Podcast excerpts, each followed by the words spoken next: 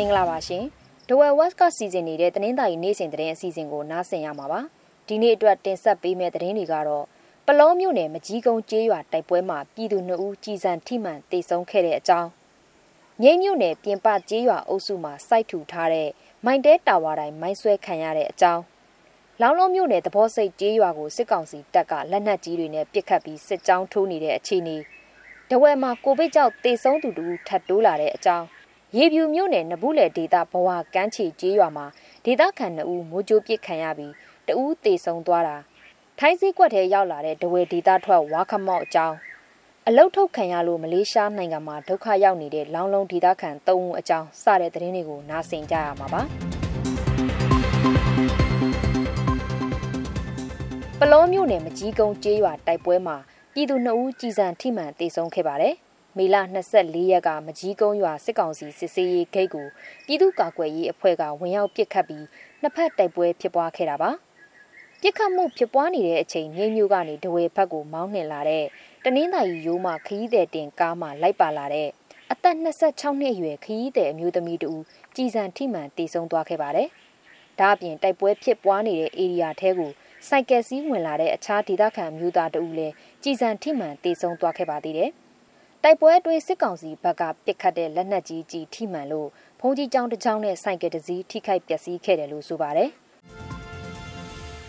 မြိတ်မြို့နယ်ပြင်ပကျေးရွာအုပ်စုမှာစိုက်ထူထားတဲ့မိုက်တဲဖုန်းဆက်သွယ်ရေးတာဝါတိုင်းမိုင်းဆွဲခံရပါတယ်။ပြည်သူ့ကာကွယ်ရေးအဖွဲ့တစ်ခုဖြစ်တဲ့တော်ကြီးမွေဟောက်အဖွဲ့ကမေလ23ရက်မှာမိုက်တဲတာဝါတိုင်းကိုပရိသာမိုင်းနဲ့ဖောက်ခွဲခဲ့တာလို့ဆိုပါတယ်။ဒါအာနာသိမ့်ပြီးနောက်ပိုင်းမြိတ်မြို့နယ်မှာပထမဆုံးအကြိမ်မိုင်တဲတာဝါတိုင်းဖောက်ခွဲခံရတာလည်းဖြစ်ပါတယ်။ အဲ့ဒီတာဝါတိုင်ကိုအနီးနားကျေးရွာ900ကဒေသခံတွေဖုံးဆက်သွယ်ရေးအတွက်အသုံးပြုနေတာဖြစ်ပြီးလက်ရှိမှာတော့အခြားဖုံးလိုင်းကိုပြောင်းသုံးနေကြရပါတယ်။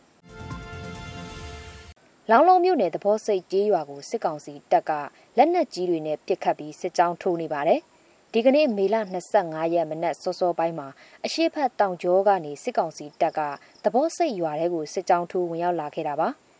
စစ်ကြောင်းထိုးဝင်လာတဲ့လမ်းတစ်လျှောက်မှာတွေ့တဲ့ဒေသခံတွေကိုလည်းဖမ်းဆီးတာတွေရှိနေပြီးအ ਨੇ ဆုံးအယောက်40လောက်အဖမ်းခံရတယ်လို့ဆိုပါတယ်။အဖမ်းခံရသူအများစုကိုတော့ပြန်လွှတ်ပေးလိုက်ပါတယ်။မေလ23ရက်ကလောင်လုံးမျိုးလာဝကရုံးကိုဒဝယ်မျိုးပြပျောက်ကြားအဖွဲ့ကဝင်ရောက်စီးနင်းပစ်ခတ်လို့ဒုဦးစီးမှုတူတေဆုံးခဲ့တဲ့ဖြစ်စဉ်ဖြစ်ပွားခဲ့ပါတယ်။အဲ့ဒီနောက်ပိုင်းလောင်လုံးမျိုးပေါ်ရက်ွက်တွေပါဝင်ကျေးရွာအချို့ကိုစစ်ကောင်စီတပ်ကဝင်ရောက်ရှာဖွေဖမ်းဆီးတာတွေတကြော့ပြန်လှုပ်ဆောင်လာပါတယ်။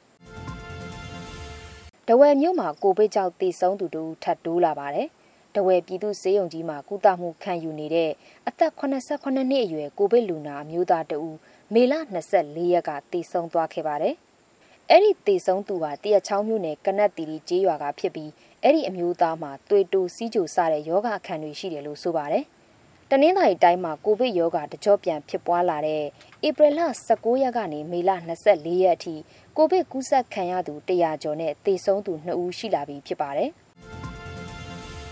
ရေပြူမျိုးနယ်နဘူးလေဒေတာဘဝကမ်းခြေကျေးရွာမှာဒေသခံ2ဦးမိုးကြိုးပစ်ခံရပြီး2ဦးသေဆုံးခဲ့ပါတယ်။မေလ23ရက်မနက်စောစောလှေထွက်ဖို့ပြင်ဆင်နေတဲ့အချိန်မိုးကြိုးစက်ကွင်းထိမှန်ခဲ့တာလို့ဆိုပါတယ်။မိုးကြိုးပစ်ခံရသူ2ဦးက အခြားရွာသား2ဦးကိုရေထဲကနေကန်းဆက်ထိဆွဲတင်ထားရခဲ့ပြီးရွာသားတွေကိုတွားရောက်အကူအညီတောင်းခံခဲ့ပါတယ်။ရွာသားတွေကိုခေါ်ပြီးပြန်လာချိန်မှာတော့ကန်းဆက်မှာမိုးကြိုးပစ်ခံရတဲ့နှစ်ဦးထဲကတဦးပဲမေ့မျောကြံခဲ့ပြီးနောက်တဦးကပျောက်ဆုံးသွားခဲ့ပါတယ်။ပျောက်ဆုံးသွားတဲ့သူတဦးကိုတော့နောက်တနေ့မနက်ပိုင်းမှာတေဆုံးလျက်ပြန်တွေ့ခဲ့တယ်လို့ဆိုပါတယ်။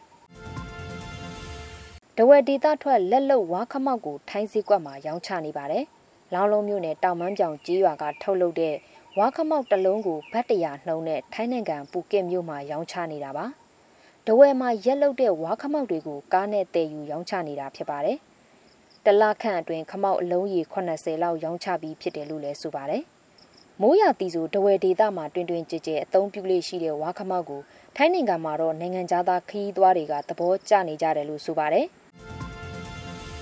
အလုတ်ထုတ်ခံလိုက်ရတဲ့လောင်းလုံးဒေသခံ3ဦးမလေးရှားနိုင်ငံမှာဒုက္ခရောက်နေပါတယ်။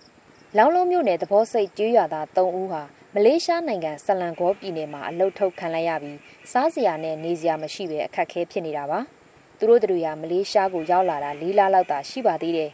ဘပွဲစားကနေတဆင့်ပီနန်မြို့ကနေဆလန်ကောပြည်နယ်ကိုရောက်လာပြီးစောက်လုပ်ရေးလုပ်ငန်းခွင်တစ်ခုမှာအလုပ်ဝင်ရောက်လုပ်ကင်နေကြတာပါအလုပ်ဝင်ပြီးရှေ့ရက်လောက်အကြာမှာတော့လုပ်ငန်းမကျွမ်းကျင်တာကြောင့်ဆိုပြီးလောက်ခလာစာမပေးဘဲအလုပ်ထုတ်လိုက်တာလို့ဆိုပါတယ် မလေးရှားဘာသာစကားကိုလည်းမပြောတတ်တဲ့သူတို့၃ဦးကိုမလေးရှားရောက်မြန်မာနိုင်ငံသားတွေနဲ့ဖွဲ့စည်းထားတဲ့နှလုံးလှပရဟိတလူငယ်များသွေးလူရှင်များအဖွဲ့ကလက်တလောခေါ်ယူစောင့်ရှောက်ထားတယ်ဆိုတဲ့အကြောင်းတင်ဆက်ပေးလိုက်ရပါတယ်ရှင်။